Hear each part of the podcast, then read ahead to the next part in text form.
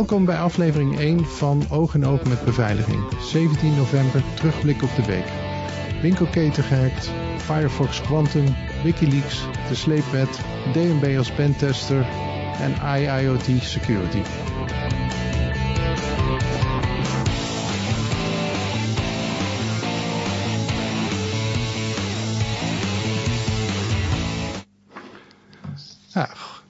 Hallo Joost. Goedemiddag Lex. Goeiedag. Ik uh, dank je wel voor het uh, zijn van mijn uh, podcastmaatje vandaag. Ik heb jou uitgedaagd en je hebt die uitdaging aangenomen om samen met mij deze eerste aflevering te maken. En ik heb jou gevraagd om een weetje van de week. Wat is jouw weetje van de week? Ja, absoluut. Um, deze week waren op Wired een aantal keer uh, nieuwsberichten te vinden over Apple's Face ID. Uh, daar is natuurlijk al wel het een en ander over te doen geweest toen het gelanceerd werd. Uh, mensen vroegen zich af, is dat wel veilig? Nou, eerder deze week kwam het bericht dat een hacker met een vrij goedkoop 3D geprint masker de telefoon kon unlocken. Maar het meest interessante bericht vond ik dat er naast de identical twins nu ook verhalen zijn van kinderen die zonder ehm, ja, als je het ziet, zie je geen echte exacte uiterlijke match. Maar toch kunnen die kinderen de telefoon van hun ouders unlocken. Gewoon door ernaar te kijken dus. Dus ja, dat uh, vond ik een uh, opvallend bericht. Ja, het is inderdaad dat uh, Apple's Face ID is kennelijk niet zo onfopbaar als dat ze zelf wilden doen geloven. Inderdaad. Ik, ik heb zelf het gevoel, uh, ik heb die berichten ook gelezen, ik heb zelf het gevoel dat hier een van de standaardprincipes bij beveiliging is dat je, als je een identiteit van iemand wilt checken, dat je hem ook goed moet uh, vastleggen bij de registratie, dus bij de enrollment. En uh, ik heb het idee dat bij deze gevallen die enrollment misschien een beetje zwak geweest is. Een slechte lichtsituatie of zoiets. Nou, deze mensen hebben het uh, opnieuw geprobeerd. En uh, ook na een nieuw enrollment lukt het nog steeds. Dus het, het, het lijkt erop dat uh, de specifieke uh, overeenkomst van het kind met de ouders, dat dat een, een, een overeenkomst is die bij het algoritme precies de punten raakt die vastgelegd worden. Dus dat ja. is wel interessant. Dus na, na een nieuwe enrollment duurde het wel langer voordat het weer lukte. Maar na een poging of vijf of zes, ja, het leek het alsof de Face ID begon met leren van, um, ja, van, van het kind. Ja. Beetje apart verhaal. Dus uh, nou, dat uh, opvallend. Ja, ja ik, ik vond het ook opvallend. Meer over maar we, we wat was jouw weetje, Lex? Wat zeg, sorry, wat zeg je? Wat, wat was jouw weetje van de week? Ah, wat was mijn weetje? Mijn weetje is, uh, ik, ik leerde over een tool die door, dat door Netflix ontwikkeld is, genaamd Chaos Monkey. En het interessante daarvan vond ik van dat is een, uh, een, een, programma wat gewoon lukraak op, willek, uh, ja, op willekeurige momenten uh, lopende Amazon Web Service processen of virtual service, ik weet niet exact hoe het werkt, maar gewoon deze stopt. En daarbij dus gewoon eigenlijk alle lopende uh, webapplicaties op scherp zet dat er ten alle tijde iets mis kan gaan en dat je dat maar dient te overleven. Ik, ik vind het vooral zo mooi omdat je dan in ieder geval niet hoeft te wachten tot het echt misgaat om te weten of dat je recovery goed werkt. Ja, en kan, kan iedereen die tool gebruiken of uh, is hij alleen voor Amazon uh, dingen beschikbaar? Hij staat volgens mij op GitHub, dus Chaos Monkey even in Google invoeren en je bent er volgens mij zo. Oké, okay. interessant. Dus ik vond dat, uh, ja, dat was mijn beetje voor de week. Interessant. Dan gaan we naar het eerste item, Lex. Wat had je voor ons uh, op het programma gezet? Nou, uh, eentje die ik deze week dacht van, oh jeetje, alweer. Hè, weer een winkelketen gehackt, ondanks encryptie deze keer. en dan, dan krijg je dus zo vlak voor de winkelgehekte, die begint na Thanksgiving met Black Friday. maakt de winkelketen Forever 21 bekend dat ze voor het grootste deel van het jaar indringers hadden in hun netwerk die transactiegegevens weggesluist hebben. Uh, we weten nog niet hoe groot die is. Wellicht is hij niet zo groot als uh, de hacks van uh, Target of Home Depot of TJ Maxx, Walmart, CVS, waar echt miljoenen records buitgemaakt waren. Maar de hack komt wel op een gevoelig moment voor de winkelketen, omdat terughoudendheid bij de kopers tijdens de piek van het seizoen natuurlijk wel veel opzet kan kosten. Ja, Absoluut. En zijn er nog opvallende dingen aan deze hack die er plaats heeft gevonden? Ik meende dat ik iets las dat er op wat systemen de encryptie niet aangezet was. Ja. Dat is natuurlijk een interessant ja. ja ze gegeven. Ze gingen er gelijk op. Ze hebben natuurlijk een notificatie moeten doen uh, omdat zij A in Californië gericht zijn. B omdat ze natuurlijk direct uh, klanten hebben. Dat is iets waar in Amerika Equifax nog onderuit kon komen. Equifax zal daar trouwens in, in een Europese context wel last mee krijgen. Um, maar die hack, die, ja, ze gingen er gelijk prat op dat ze een encryptie- en tokenization systeem hadden. Maar het bleek dat een, bij een aantal point-of-sale systemen dat uitgezet was uh, om, ja, eigenlijk onbekende reden. En dan krijg je hmm. toch weer van, ja, als je, je je security hebt, maar je gebruikt hem niet, dan gaat het fout. Ja, absoluut. En ik vraag me dan eigenlijk wel af of ze voldoen aan de PCI-standaard. Want um, volgens mij biedt die geen ruimte om uh, op een aantal uh, point-of-sale systemen um, de encryptie uit te zetten. Dus ik ben benieuwd of het ook vanuit dat perspectief nog ja. een compliance staartje gaat krijgen dan. Vast wel, want uh, ik denk dat je gelijk hebt. PCI zegt gewoon van je moet je, je moet encryptie aan hebben staan. Je moet het hebben en je moet het gebruiken. Dus ik ben heel benieuwd. Dit is ja. zo'n typisch geval van uh, opzet is er, bestaan is er, maar de werking uh, was er niet. Ja. ja, en dan een behoorlijke tijd ook. Uh, ben, ben ook wel benieuwd, uh, hebben ze dan, dan, ja, dat is allemaal nog niet bekend natuurlijk, maar dat zijn er van die dingen die ik me dan afvraag als ik dit hoor. Um, um, hebben ze dan een, een malware ingeplant op de point-of-sale systemen en vanuit daar uh, persistency bereikt en, en hoe hebben ze dat dan gedaan? Maar uh, nou ja, als dat allemaal nog niet bekend is, dan neem ik aan dat dat nog wel ergens bekendgemaakt zal gaan worden. Ja, het wordt nou even afwachten totdat de de bekende analistenfirma's uh, hun uh, ogen hierover hebben laten gaan. En dan moet natuurlijk op dit moment uh, heb je alle gekkigheid met alle speculaties. En daar wil ik niet al te veel aan toevoegen. Maar ik vond het wel even een interessante zo vlak voor de feestdagen. Absoluut. Nou, we houden hem gewoon in de gaten voor de volgende editie van deze podcast. Of een ja. volgende. En dan komen we er gewoon weer op terug als er meer over te melden is. Ja, lijkt me een fantastisch idee. Ja. En dan de volgende, um, dat vond ik wel een hele mooie. Ik ben een vervente Google Chrome aanhanger. En toen kwam Firefox ineens met een versie die mij als uh, behoorlijke Chrome adept weer uh, aan het wankelen heeft gebracht richting Firefox. Want er is een nieuwe Quantum Edition.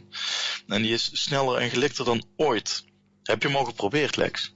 Uh, ja, ik ben Firefox gebruiker. Ik heb ik heb altijd de verleiding weerstaan om naar Chrome te gaan. En ja, uh, ja ik, ik, ik, ik merk het wel. Uh, Firefox 57, dat is de, de interne naam. die, die werkt gewoon loeisnel, heel makkelijk. en ik merkte ook dat een aantal van mijn add-ons gelijk niet meer werkten. En daarmee zie je dan ook van, ja, dat zijn de gevolgen als je alles omgooit. Dan werken natuurlijk een aantal dingen die in het verleden wel supporten, niet meer. Ja, ik heb en uh, wat voor dingen zijn dat dan uh, zoal? Ja, even die kijken. Merkte? Uh, ik heb hier iets van Mozilla zelf gepakt. ze zeggen, en dat is dan gerelateerd aan de security. Uh, extensions developed with web extension APIs have a content security policy applied to them by default. This restricts the sources from which they can load script and objects resources and disallows potentially unsafe practices such as the use of eval. Since legacy extensions could modify Firefox internal code directly, it was possible for bad actors to include malicious code in an innocent looking extension. Dus dat is eigenlijk, denk ik, voor beveiliging de, de, de grootste verandering. En daarmee, toen ik het installeerde, zag ik dus ook gelijk welke extensions dan uh, uh, dingen deden die Firefox nou niet meer goed vindt. Ja. Uh, ja, en als je onderin kijkt van, van waar halen ze hun uh, snelheidswinst uh, uit. dat is de manier waarop ze CCS style sheets afhandelen. en hoe ze vooral de GPU gebruiken en de, de screen interactie. Dat ja. lijkt me gewoon een nieuwe generatie ja, technologie gebruikt te zijn. Ja, Ja, de lat voor Google om, om hier de performance concurrentie mee aan te gaan is, is in ieder geval erg hoog gelegd. Ja. Dat ja. ja, ik zag ongelooflijk. ja, ik zag een vergelijkingsfilmpje met Firefox en Google side by side. En het opvallende was dat Google in ieder geval stevast won op alle Google gerelateerde websites. Ja. En Firefox sneller was op de meeste andere. Met, met een paar uitzonderingen waarbij je ook de Google zoekpagina bij Firefox sneller laat. Nou is dat een hele lichte pagina. Tenminste, de, de, niet de resultaten, maar de, ja, ja, de, de, de pagina waar je alleen de zoekitems invoert. Ja. ja. Ja, wat ik ook zag, uh, de, is dat een, de meest populaire uh, extension van Firefox voor uh, security mensen is NoScript. En mm -hmm. NoScript heeft, die deed natuurlijk een hele hoop dingen die nou onder de nieuwe regels niet meer mogen. En het, het mooie wat ik, wat ik gezien heb is dat, dat uh, Mozilla en uh, de ontwikkelaar van NoScript, Giorgio Mahoney, hebben samengewerkt om eigenlijk de nieuwe webextensies werkbaar te maken.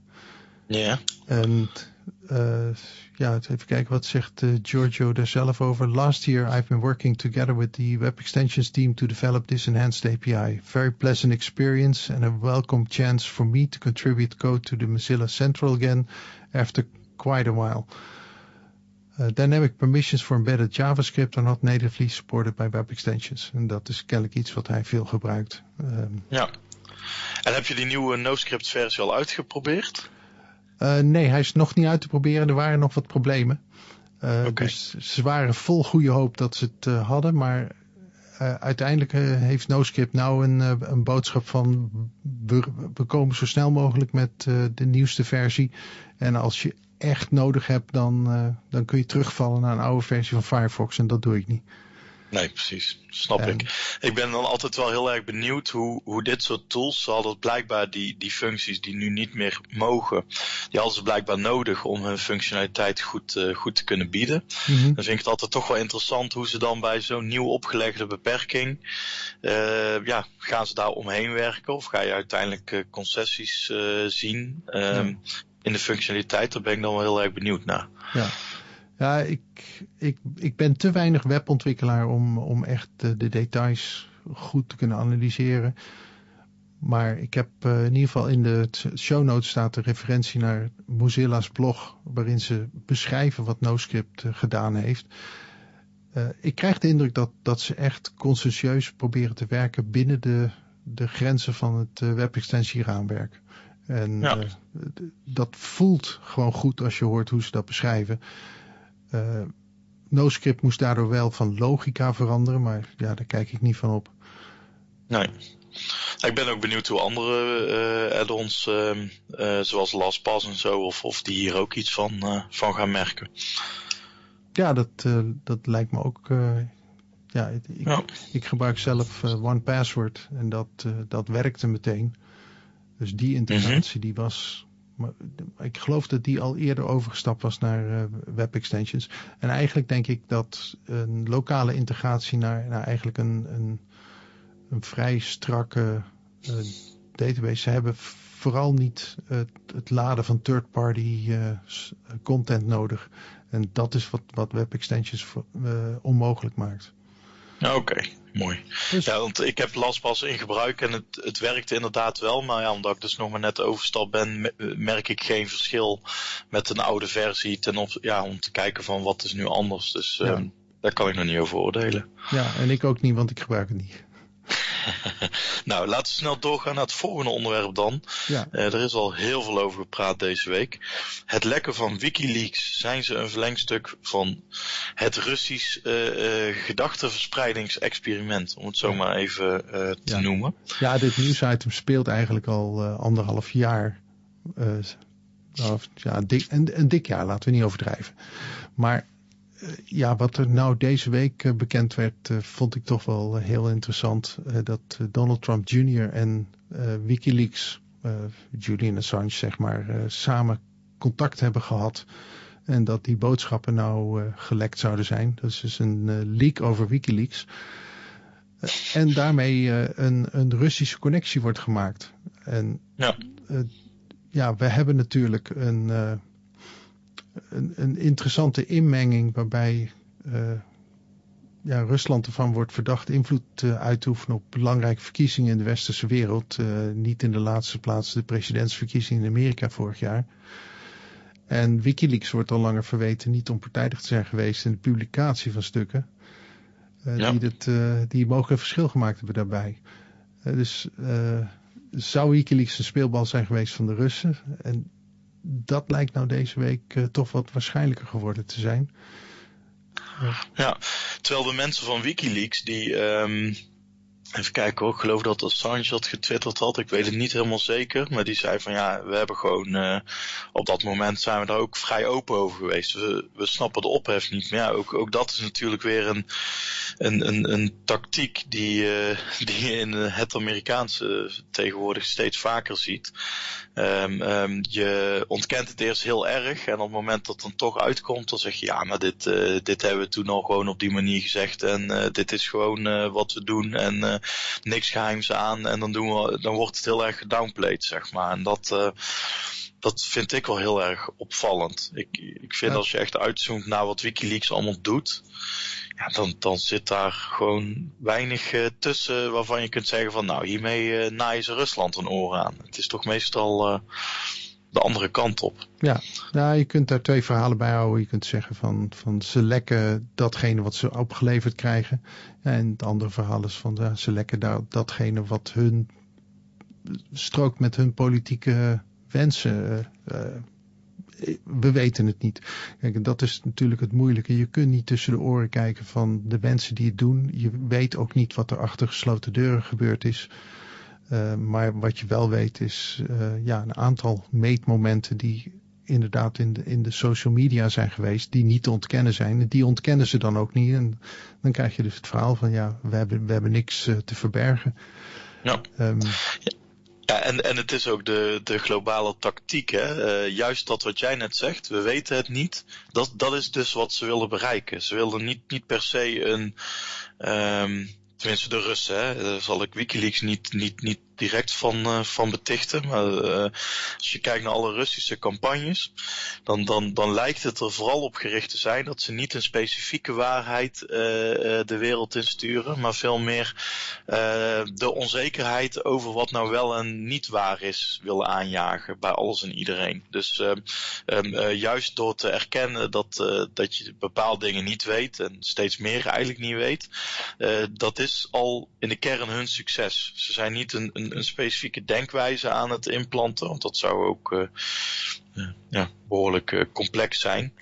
En uh, ze zijn vooral ja, een soort van uniform wantrouwen tegen alles en iedereen aan het, aan het zaaien om, om, om daarmee instabiliteit op te wekken. Ja. Dat is in ieder geval mijn, mijn beeld van ja. wat ik zie. Ik, en, ik zou er niet verbaasd zijn als er als er dit jaar berichten komen, want er wordt natuurlijk hier ook een hele hoop analyse op gedaan, dat, dat er wel gericht uh, gecommuniceerd wordt. Dat er dus wel heel bewust nagedacht wordt, niet alleen over van we willen uh, onrust zaaien of we willen uh, wat, wat zei jij, twijfel zaaien. Ja, ik denk dat noemt het net uniform wantrouwen. Dat, uniform wantrouwen, ja. ja. Nee, ik denk ja. dat er heel bewust uh, dat het ook zo zou kunnen zijn dat er heel bewust juist een ander beeld wordt gecreëerd. En met een ander beeld zou je dus inderdaad uh, verkiezingsuitslagen kunnen beïnvloeden. En je hoeft ze maar genoeg te beïnvloeden dat ze net over het randje vallen. En dan pak Absoluut, je... ja. ja. Uh, en wat, ja. je, wat je dan ook ziet is, de, de rode draad lijkt in ieder geval het, uh, het, het, het uh, uiteenvallen van Europa. Dat vinden ze bijzonder interessant. Uh, als je dan ook die gerucht hoort over de Brexit-inmenging. Ja. En um, um, ook bij uh, Oekraïne-referendum. Toen zijn die geluiden ja. natuurlijk ook geweest dat er vanuit Rusland ja. uh, bronnen waren die heel erg graag wilden dat, dat hier vooral tegen de toetreding van Oekraïne werd gestemd.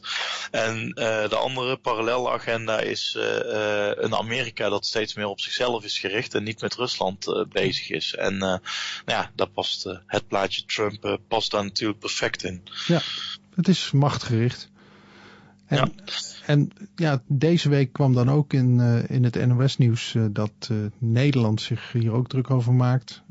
de Tweede Kamer maakt zich zorgen dat vooral uit Rusland met netnieuws wordt geprobeerd de Nederlandse opinie te beïnvloeden. dat nepaccounts onze democratie beïnvloeden is levensgevaarlijk, zei CDA-leider Buma. als, je weet met, als je weet hoeveel vrije verkiezingen inmiddels zijn beïnvloed door Rusland, is dat angstwekkend. Uh, dat zei hij in reactie op een, uh, een formele brief die naar de Kamer gestuurd was. Ja. Um, ja, het lijkt erop dat inmenging in verkiezingen niet direct via het rode potlood meer gaat, maar uh, via de social media. De mens is ja. de zwakste schakel en niet het stemproces. Ja, en, en de vraag is ook, wat kun je daartegen doen hè? Als, je, als je erin slaagt om, om de mening van mensen te veranderen? Ja, dat is natuurlijk basisprincipe van democratie.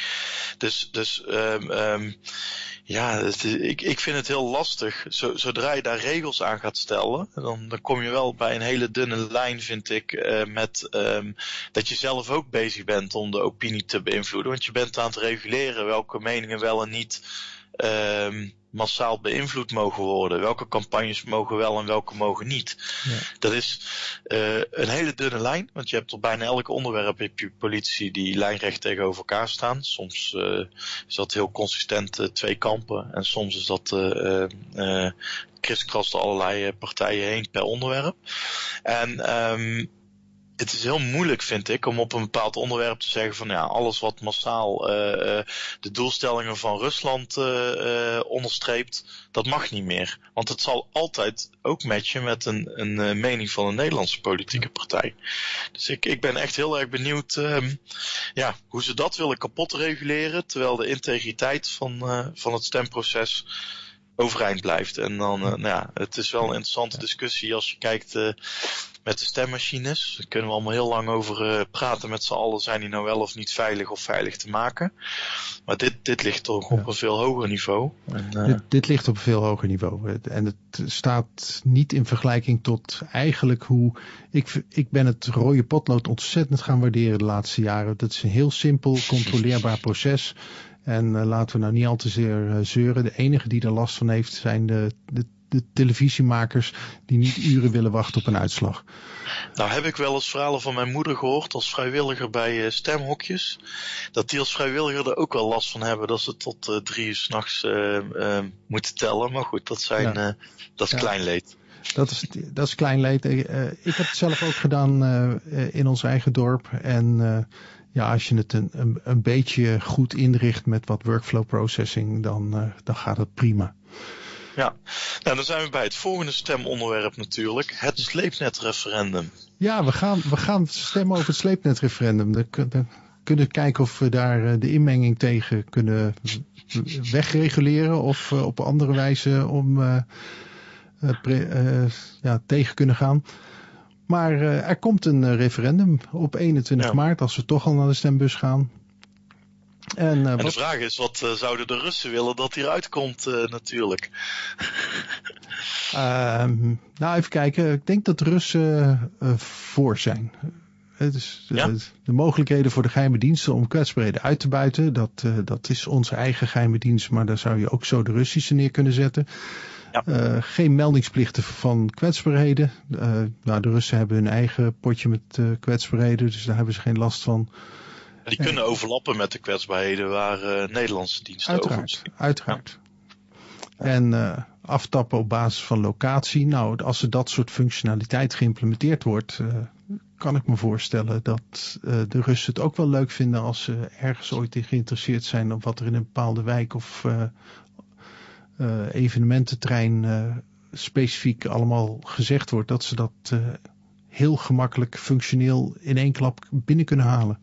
Ja, dus eigenlijk uh, creë creëert het weer een nieuw entry point voor uh, Russische hackers en spionage.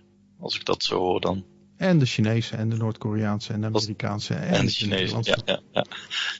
En de Iraniërs. Ja, dus maar goed, er zijn ook uh, mensen die behoorlijk tegen zijn, hè? Ja, vooral in de privacykampen is er een behoorlijk tegengeluid. en, en dat zijn de standaard dingen eigenlijk van bescherming van onze vrijheid om dingen te doen die niet crimineel zijn, maar uit verband gerukt dat wel kunnen lijken. En ik denk dat is voor mij persoonlijk uh, waar ik het meest tegenaan loop. Van er zijn dingen die je doet in het dagelijks leven die soms gewoon verkeerd uitgelegd kunnen worden. Ja. En als je weet gewoon van ja, maar dat is even in een privéconversatie, dan hoef ik daar niet zo op te letten, dan hoef ik niet die slag om de arm te houden. Dat is zoveel prettiger en dat is wat ik vrijheid noem. Ja. Uh, um, maar ja, je hebt ook nog altijd uh, die dingen van, van ja, er zijn dingen die ik gewoon liever niet had willen delen of niet had willen delen met iedereen. Of dingen die ik eigenlijk had willen vergeten. En die kunnen op deze manier uh, misschien juist helemaal tegen mij gebruikt worden. Of naar boven komen als collateral damage bij een ander onderzoek. Ja, absoluut. Ik, ik, ik denk zelf dat er een heel belangrijk uh, behoefte is aan, aan, aan die goede waarborgen. Uh, je hoort ook voorstanders zeggen van ja, de, de, de, de veiligheidsdiensten die, uh, die hebben wel wat beters te doen dan, dan het perverse gedrag van random burgers op te gaan sporen. Maar um, ja, hoe borg je dat in de toekomst, als er een andere partij aan de macht komt, die allemaal wat, wat anders tegen ja, de gewenste mogelijkheden van de diensten aankijkt dan nu, um, heb je dan nog steeds dezelfde waarborgen? En hoe voorkom je dat er op enig moment um, de politie tegen de diensten kan zeggen: hé, hey, uh, wij willen die gegevens, want de diensten doen alleen staatsgevaar. maar de, de, de politie die richt zich natuurlijk op andere dingen. En, en, en ja, daar heb je toch wel behoorlijke waarborgen nodig. En uh, ja. ja, die, die dat tegengaan. En van veel echte kenners. Ik, ik, heb het allemaal gelezen en vind het super interessant, maar ik ben geen jurist. Maar met name uh, toch wel flink gekwalificeerde mensen zijn van mening dat die waarborgen op dit moment ondermaat zijn. En uh, ja, dat, dat zou voor mij ook wel de reden zijn waarom ik geneigd ben om tegen te stemmen. Met de grote kanttekening dat Bits of Freedom niet copyright van de Rijksoverheid moet gaan schenden om aandacht te krijgen. Want dat vind ik ook niet goed. ik vond het wel een ludieke actie. Ik, ik, heb, ik, heb, het niet zelf gezien, maar ik vond het wel een... Uh, ja, uh, je refereert naar die... Uh, waar trek jij de grens? Ik, ik, vond het wel leuk. Het was duidelijk ludiek. Ja, nou, ja, ik heb uh, verhalen gehoord van mensen die, uh, die ongerust, uh, omdat ze al wat ouder waren bijvoorbeeld, ja. die, die niet de, de, scherpte van geest hebben om even naar die internetsite te gaan en even na te kijken, klopt dit wel? En ja, dan, dan, dan zie je dat die mensen ook niet meteen denken van, oh nee, nu, nu ben ik tegen die wet. Die denken gewoon van, ja, waarom houden ze mij voor de gek? Ja. En um, um, ja, diezelfde brieven hadden ook gewoon gebruikt kunnen worden om om het doel duidelijk te maken. En met name de generatie van mijn ouders en, uh, en ouder. Die, uh, die gaan niet puzzelen of ze wel op de website uh, terug kunnen vinden waarom ja. dit een goede actie was. En, en dan, dan zie je dat een beetje vanuit, ik noem maar even een, een soort nerdredenatie. Iedereen die echt inhoudelijk in deze materie zit, ja, die, die ziet dat het nep is. Die, die komen op de plek waar de uitleg staat. En die kunnen vervolgens om lachen. Maar diegene voor wie zo'n campagne bedoeld is, die... Um, ja, die bereiken dat, dat punt niet, denk ik, van overtuigd worden. Maar goed, uh, misschien zit ik er helemaal naast. Uh, belangrijkste is, het referendum is politiek al overbodig verklaard. Uh, ze gaan niks met de uitslag doen. En uh, ja, dan ben ik toch ook altijd wel gewoon een uh, efficiency denker. En dan denk ik van, hoeveel geld gaat het ons dan toch nog kosten om dit te houden? Ja. Daar moeten we misschien maar niet over nadenken. Nee, um, Nee, laten, we, laten we gewoon maar even niks meer over zeggen dan. Dan gaan we verder over andere beheerders van geld. Ja, de DNB wordt pentester. Nou, niet dat ze zelf gaan pentesten, maar ze gaan wel uh, de, de dienstverlening op uh, touw zetten. En dat is met het uh, TIBER-initiatief. TIBER staat voor Threat Intelligence Based Ethical Red Teaming. ik, ik vond het wel een leuk bericht. Van, even kijken, security NL berichten. De Nederlandse bank gaat met hackers van securitybedrijven de veiligheid van banken, beursexploitanten en clearinghuizen testen. Vandaag zal DNB het protocol met de spelregels van Tiber publiceren, zoals het nieuwe cybersinitiatief heet. En uit die publicatie van de DNB heb ik iets gehaald. A Tiber test can therefore be defined as the highest possible level of intelligence based red teaming exercise using the same tactics, techniques and procedures as real adversaries against life critical production infrastructure without the foreknowledge of the organizations defending blue team. Ja, ik, ik vind het, om te beginnen, ik vind het een supergoed idee. Maar als ik dan uh, het, uh, de, de passage against life critical production infrastructure zie, dan denk ik wel van ja, daar vind ik nogal wat. Zal ik daar twee woorden op zeggen? Zeg het maar. Chaos Monkey. Ja, maar dit is ook Chaos Monkey uh, uh, tegen uh, banken. En um, um, als je zo'n systeem per ongeluk onderuit trekt, um, dan vind ik de, de ja goed, voor Netflix zal het, het onderuit trekken van streams vast ook commerciële impact hebben. Maar banken hebben dan toch nog een net iets andere rol in de, in de samenleving. Zit er ja, ook iets meer meer aan de kritieke kant. Kritieke, samen, kritieke infrastructuur van Nederland, daar heb je helemaal gelijk in. Ja, dat, dat vind ik nogal wat om die in productie onaangekondigd te gaan testen om onderuit te trekken. Want ja, als je een beetje verdiept in pentesten en ethical hacking, je weet niet altijd de uitkomsten van de bitjes die je probeert te flippen. En um, um, ja, heb je zoveel controle over het systeem wat je aanvalt, dat je het zo gecontroleerd kunt gaan hacken, dat je wel binnenkomt en van alles doet, um, zonder dat je ze onderuit trekt. Kun je echt zo met minimal damage uh, alles proberen te doen wat een, uh, een real adversary uh, probeert. Daar ben ik dan heel erg benieuwd naar. Ja. Nou, we, we gaan het zien. Want, we gaan het zien. Als we ineens uh, bij alle banken tegelijk niet meer binnen kunnen komen, dan uh, hebben ze een succesvol uh, aanval gedaan. Ja. Of de Koreanen of de Russen. Ja. nou, we hebben nog een volgende onderwerp. Ik, ik, ik, ik merk in de, in de literatuur dat we nou een nieuwe naam hebben voor SCADA. Dat is IIoT, oftewel Industrial Internet of Things. En ja, een bedrijf GE Ventures heeft onderzoek gedaan naar wat nou succesvolle cam, of de kenmerken zijn van succesvolle IoT security. Uh, having a great roadmap in traditional IT is not a birthright to succeed in the industrial cybersecurity, but there are some commonalities amongst the most successful and promising startups in this space.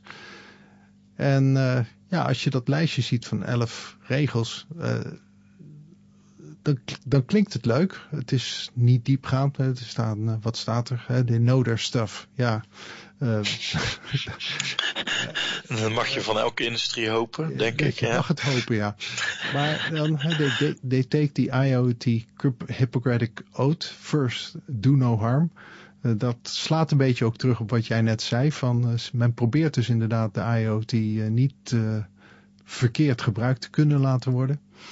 En ja, er staan er nog een paar meer bij. Even kijken wat zijn They make security integrated. Ja, build security in in plaats van bolt it on. Uh, they're ready ja. to scale vind ik een hele interessante. Uh, daar hoor je ook wel eens uh, problemen over.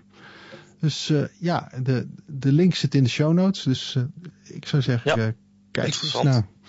Ik, ik, ik mis nog wel eentje die ik daar wel tussen had verwacht. En dat is dus de valkuil van de Make Security Integrated.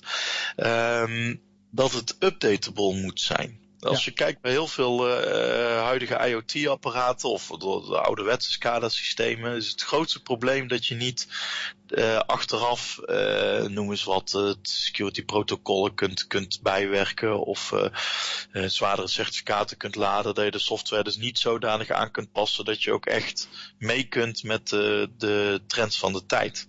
Ja. want um, op basis van die uitgangspunten kun je wel concluderen, um, hè, uh, het staat wel, uitgangspunt 6. They start with the assumption that they will be targeted.